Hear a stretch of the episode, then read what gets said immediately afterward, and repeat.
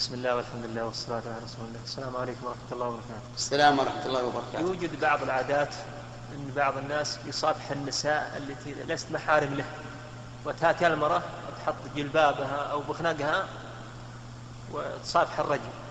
عندما ننكر ينكرون على بعض الناس يقول أنا ما صافحتها هي حطت ثوبها أو جلبابها ولا مسيت المرأة. ما صافحتها أيوة. صافح ما الحكم؟ الحكم أنه لا يجوز للرجل أن يصافح من ليست محرما له لا مباشرة ولا من وراء حائل لأن المصافحة من وراء الحائل يقبض الإنسان على اليد ويجسها فلا يجوز له أن يصافحها سواء بحائل أو بغير حائل. نعم. ما صحت فيه أثر أو يقول ما ما اسمه أيحب أحدكم يضرب بمخط في راسه خله من مرافقة اسمها هذا من من أحاديث الوعيد. هو فيه فيه مقال ضعيف. لكنه من أحاديث الوعيد الذي يحصل فيه التحذير. بارك الله